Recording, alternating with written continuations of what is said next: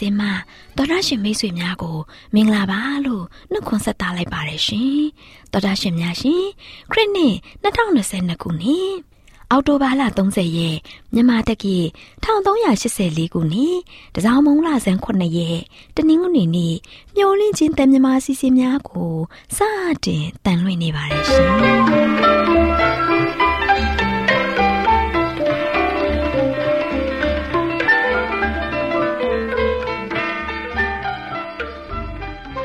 တော်တာရှင်များခင်ဗျာမျော်လင့်ခြင်းအတန်မြန်မာအစီအစဉ်ကိုနက်နက်6နိုင်မိနစ်30မှ9နာရီအထိ16မီတာ kHz 10653ညညပိုင်း9နိုင်မှ9နိုင်မိနစ်30အထိ19မီတာ kHz 19533ညမှနေ့စဉ်အတန်လွှင့်ပေးနေပါတယ်ခင်ဗျာဒီကနေ့တနင်္ဂနွေနေ့မှာထုတ်လွှင့်ပေးမယ့်အစီအစဉ်တွေကတရားဒေသနာဟောကြားခြင်းအစီအစဉ်ကျမ်းမာပျော်ရွှင်လူပေါင်းရဲ့အစီအစဉ်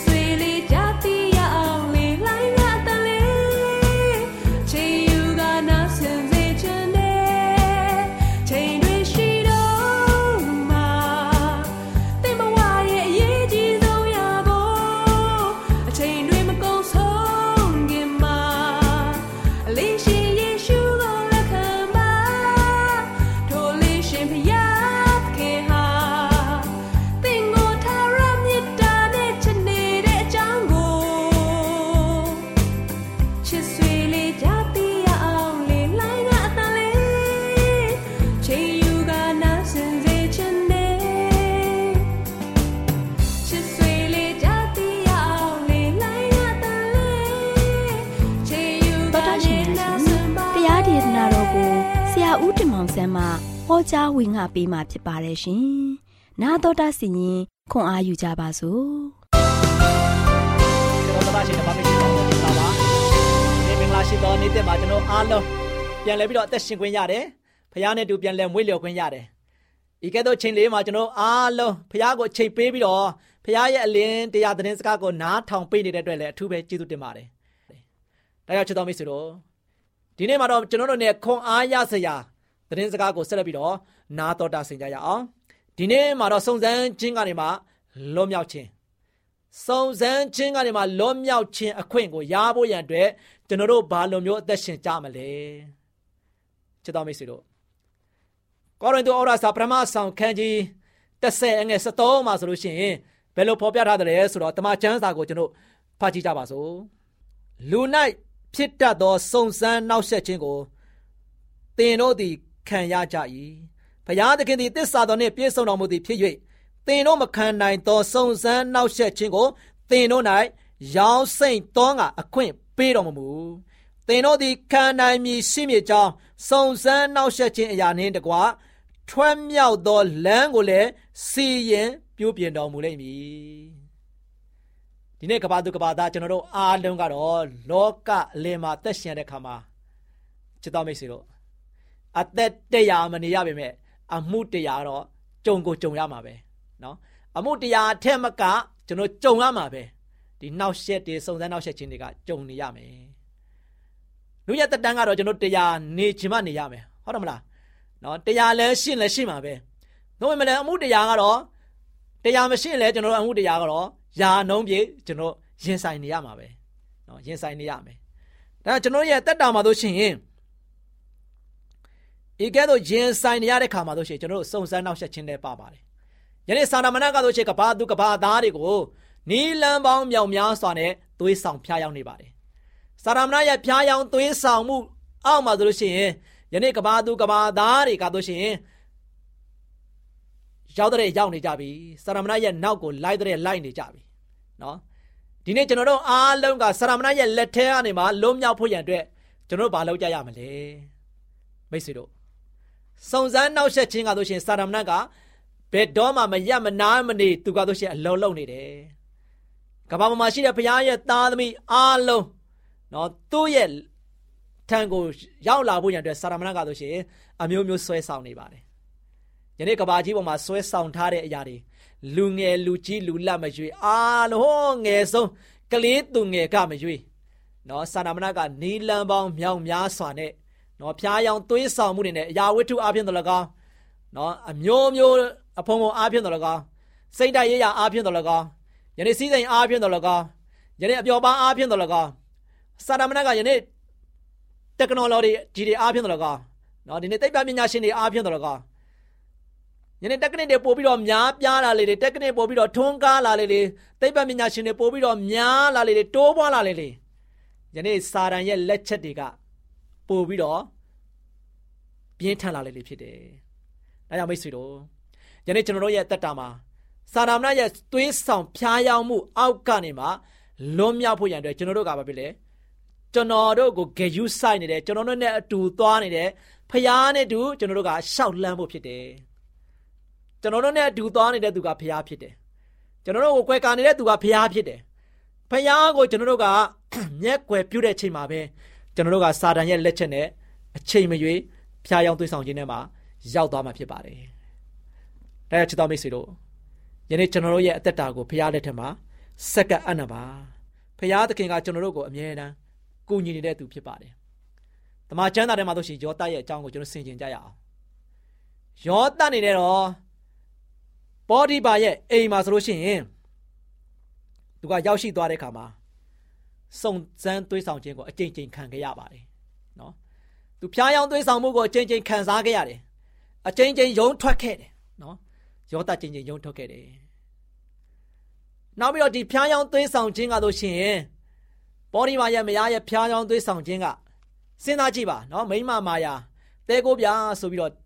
ကျွန်တော်တို့စကားပုံရှိတယ်နော်အဲ့ဒီလိုသူ့ရဲ့မာယာတွေနှွဲ့နှောင်းပြီးတော့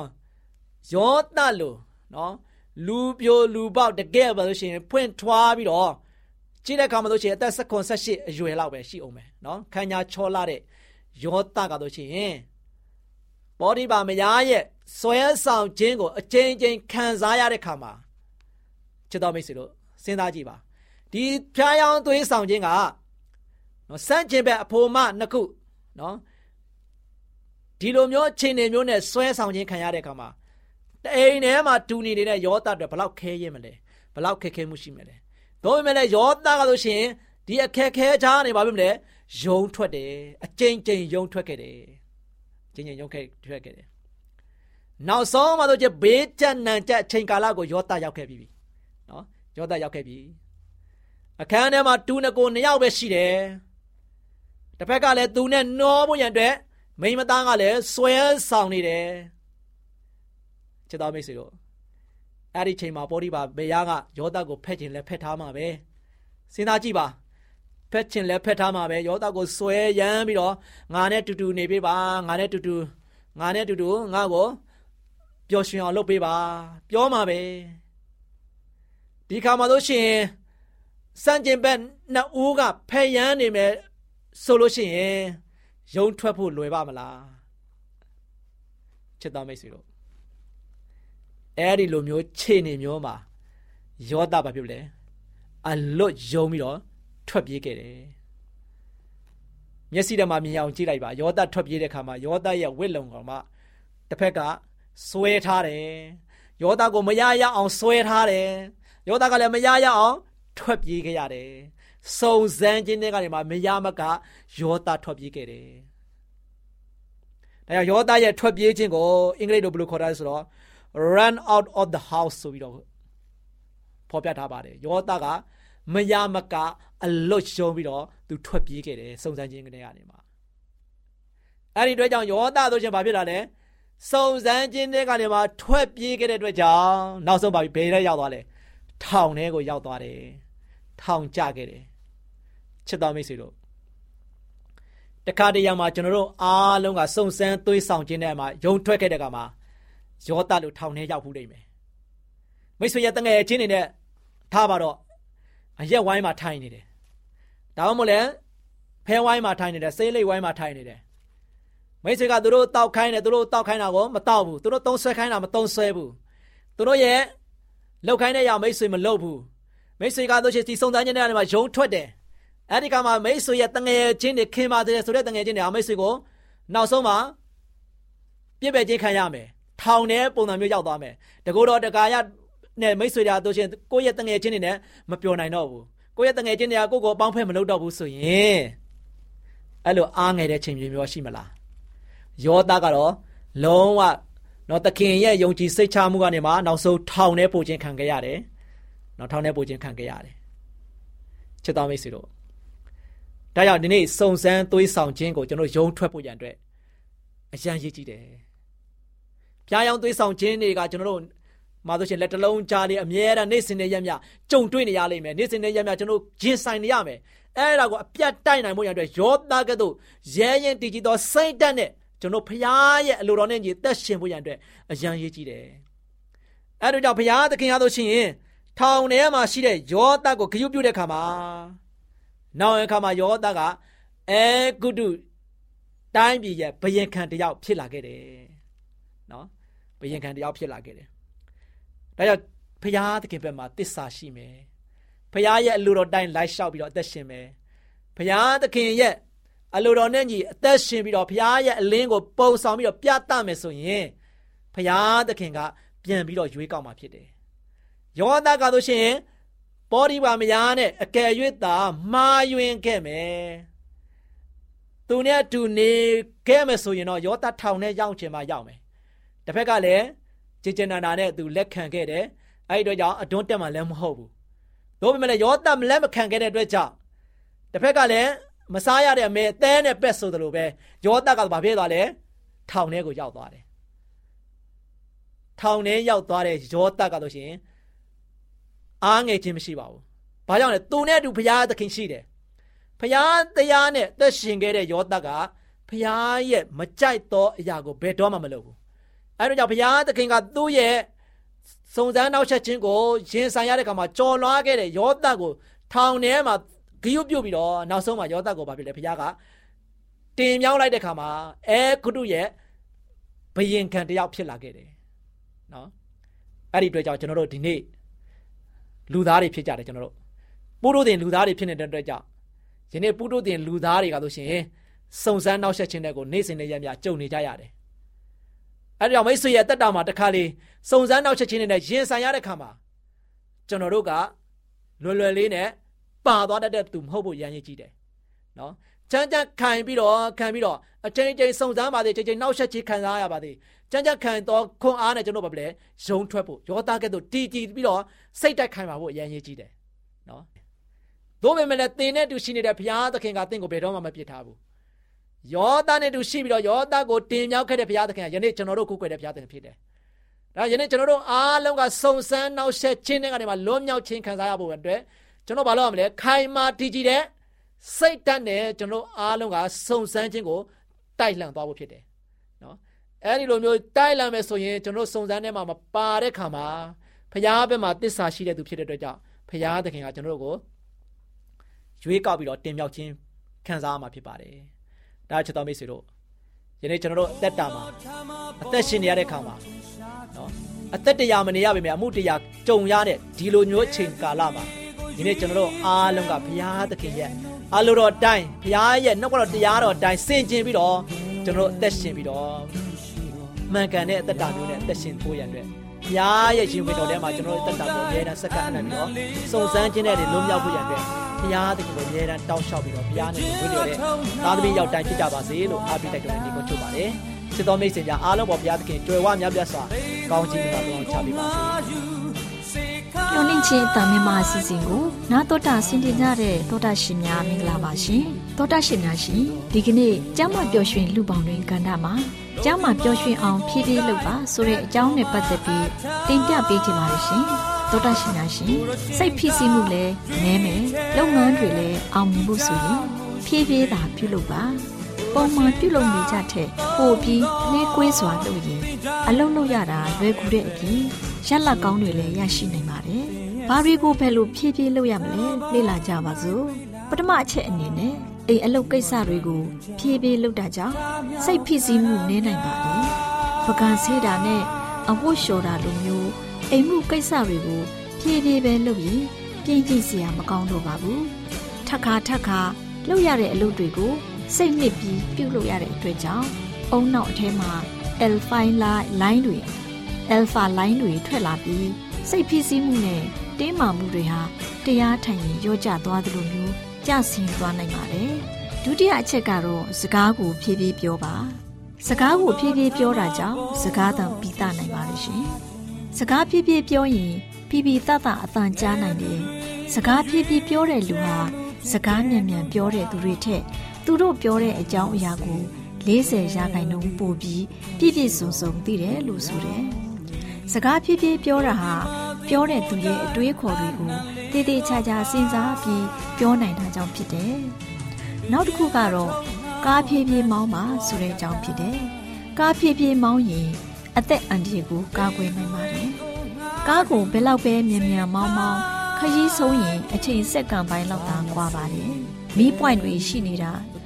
အတွက်ကြောင့်ကားတိုင်းမိပွိုက်မိနိုင်ပါတယ်။ကားတိုက်မှုတွေလည်း ဖြစ်တာနည်းပါလိမ့်မယ်။နောက်တစ်ချက်ကအစာကိုဖြည်းဖြည်းစားပါဆိုတဲ့အကြောင်းဖြစ်တယ်။အစာကိုဖြည်းဖြည်းစားရင်ကိုယ်အလေးချိန်ပိုလျော့နိုင်တယ်။စိတ်ဖိစီးမှုလည်းနည်းပြီးအစာမကြေတာတွေလည်းနည်းတယ်။ကိုယ်အလေးချိန်အလွယ်တကူလျှော့ချနိုင်တယ်လို့သူတွေတီတွေကပြောတယ်။ဒါအပြင်ပိုပြီးအစာကြေတဲ့အတွက်ခန္ဓာကိုယ်ကတင်စားလိုက်တဲ့အာဟာရတွေကိုပို့ပြီးတော့စုပ်ယူနိုင်ပါတယ်။နောက်ပြီးအစာအိမ်မှာ အစာပြည့်သွားတာကိုအုံနောက်ကိုအချက်ပေးဖို့အချိန်ပိုရသွားတာကြောင့်အစာစားတဲ့ပမာဏနည်းသွားနိုင်ပြီးကိုယ်အလေးချိန်လျှော့ချသွားနိုင်ပါတယ်။သောတာရှင်များရှင်နောက်ဆုံးအချက်ကအလုတ်ကိုဖြည်းဖြည်းလုပ်ပါ။အလုတ်ကိုဖြည်းဖြည်းလှုပ်ဆောင်ခြင်းကြောင့်အလုတ်ပုံမူပြီးစီးနိုင်ပါတယ်။တစ်ချိန်တည်းမှာအလုတ်အများကြီးကိုတပြိုင်နက်ပြုတ်လုတာဟာအလုတ်တစ်ခုချင်းစီကိုပြုတ်လုတာထက်ပိုပြီးအမှားများနိုင်တာကြောင့် အချိန်ဖြုံးသလိုဖြစ်သွားတတ်တယ်။ဒါကြောင့်အလုတ်တစ်ခုချင်းစီကိုတည်တည်ချာချာအာယုံစိုက်ပြီးလုပ်ပါ။တစ်ခုပြီးမှနောက်အလုတ်တစ်ခုကိုလုပ်ပါအချိန်ကြာမြင့်စွာလုပ်ရတယ်လို့ထင်ရပေမဲ့တစ်ခုချင်းစီအတွက်ရက်လက်ကောင်းတွေရရှိနိုင်ပြီးအလုတ်ပြီးစီးမှုလည်းပိုများပါတယ်။သောတာရှင်များရှင်ကျမ်းမာပြောရွှင်အောင် ဖြည်းဖြည်းလှုပ်ပါဆိုတဲ့ကျမ်းမာရေးဘုဒ္ဓတာလေးကို အာရောဂျန်ကျမ်းမာရေးမဂ္ဂဇင်းအမှတ်230မှာ ဒေါက်တာဒေါ်ခင်မိုးမိုးရဲ့ရေးသားဖော်ပြချက်ထဲမှာကောက်နှုတ်တင်ပြထားတာဖြစ်ပါတယ်ရှင်။ဒေါက်တာဒေါ်ခင်မိုးမိုးကိုလည်းအထူးကျေးဇူးတင်ရှိပါတယ်ရှင်။နာတော်တာစီနေကြတဲ့သောတာရှင်များလည်းကျမ်းမာရေးဘုဒ္ဓတာရရှိပြီးကျမ်းမာပျော်ရွှင်ခြင်းဒုက္ခနဲ့ပြည့်စုံကြပါစေရှင်။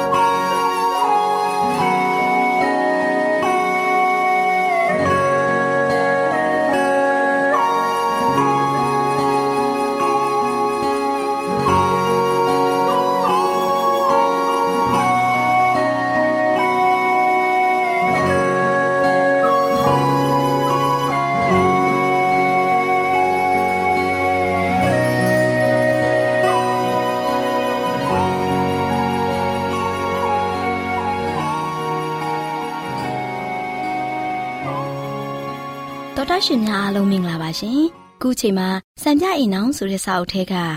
မိသားစုစီမံကိန်းဆိုတဲ့အကြောင်းအရာနဲ့ပတ်သက်ပြီးတင်ဆက်ပေးချင်ပါတယ်ရှင်။တော်တာရှင်များရှင်မိခင်သားသမီးနဲ့လူအဖွဲ့အစည်းတို့အားစိတ်ဆင်းရဲစေနိုင်တဲ့အမှားအကြောင်းပြောပြချင်ပါတယ်။သားသမီးများမွေးဖွားခြင်းဟာတရားမျှတမှုဖြစ်သည်မဖြစ်သည်ကိုစဉ်းစားဆင်ခြင်မှုမရှိဘဲကြည့်ရှုပြုစုခြင်းခံရရန်၎င်းတွင်တင်ဆုံးမခြင်းခံရရန်၎င်းမိဘများအပေါ်တွင်လုံးဝအားကိုးအားထားပြုနေတဲ့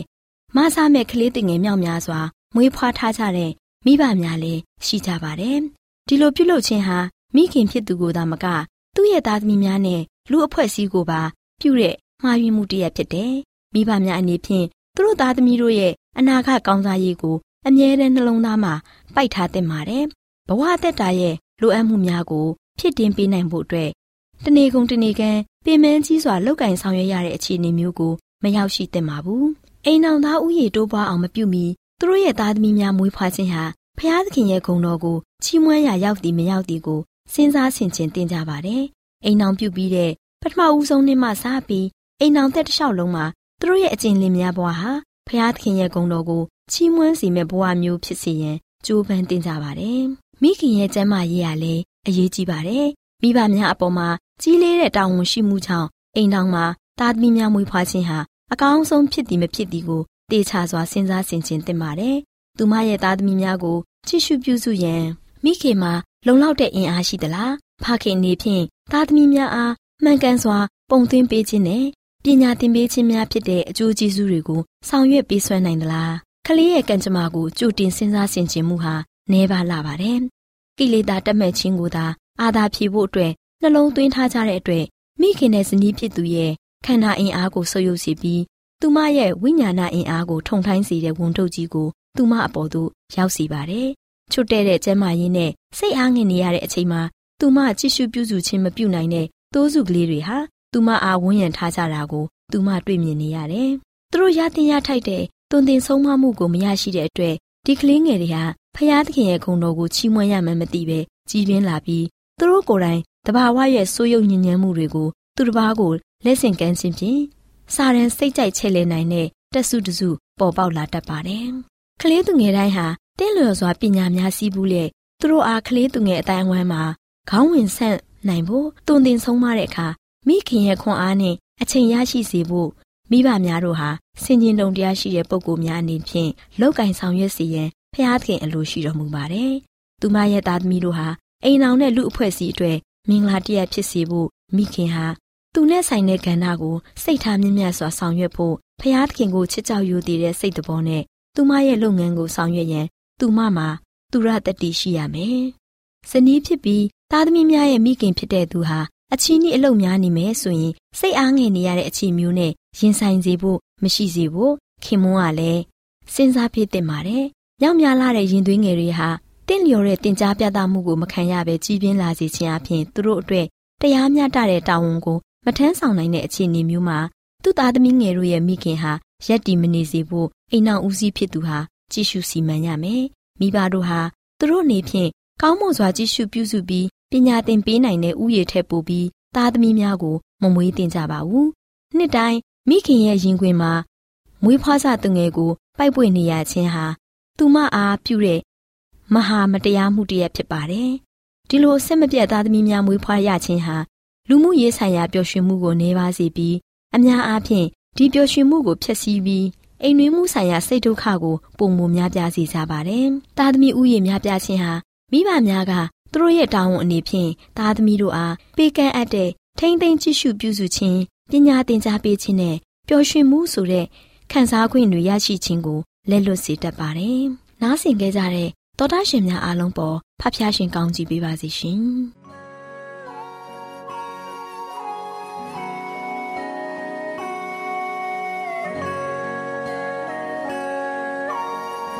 ဗုဒ္ဓရှင်များရှင်ကျမတို့ရဲ့ဗျာဒိတ်တော်စာပေးစာယူသင်တန်းဌာနမှာ အောက်ပါသင်တန်းများကို ပို့ချပေးလျက်ရှိပါတယ်ရှင်သင်တန်းများမှာဆိဒ္ဓတုခရှာဖွေခြင်းခရစ်တော်၏အသက်တာနှင့်တုန်တင်ကြများတဘာဝတရားဤဆရာဝန်ရှိပါကျမ်းမာခြင်းနဲ့အသက်ရှိခြင်းသင်နဲ့သင်ကျမ်းမာရေးရှာဖွေတွေ့ရှိခြင်းလမ်းညွန်သင်ခန်းစာများဖြစ်ပါရဲ့ရှင်သင်တန်းအလုံးဟာ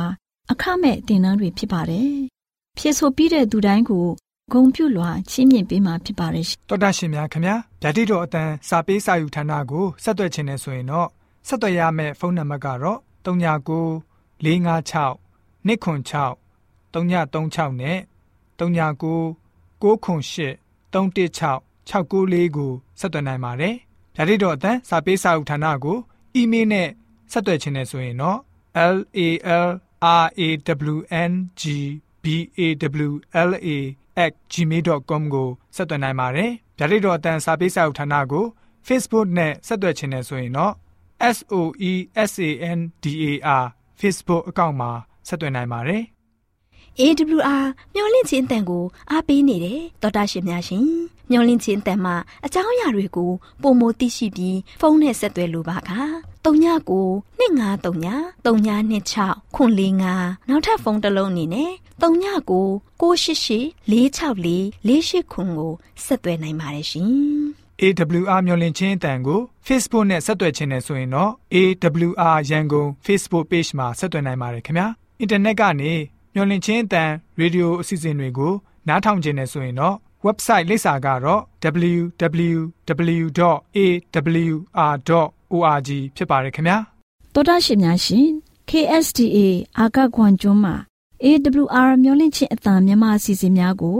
အတံလွှင့်ခဲ့ခြင်းဖြစ်ပါတယ်ရှင် AWR မျိုးလင့်ချင်းအတံကိုနာတော်တာဆင် गे ကြတော့တောတာရှင်အရောက်တိုင်းပေါ်မှာဖျားသခင်ရဲ့ကြွယ်ဝစွာသောကောင်းကြီးမင်္ဂလာတက်ရောက်ပါစေ။ ကိုစိတ်နှဖျားကျမ်းမာရွှင်လန်းကြပါစေကျေးဇူးတင်ပါတယ်ခင်ဗျာ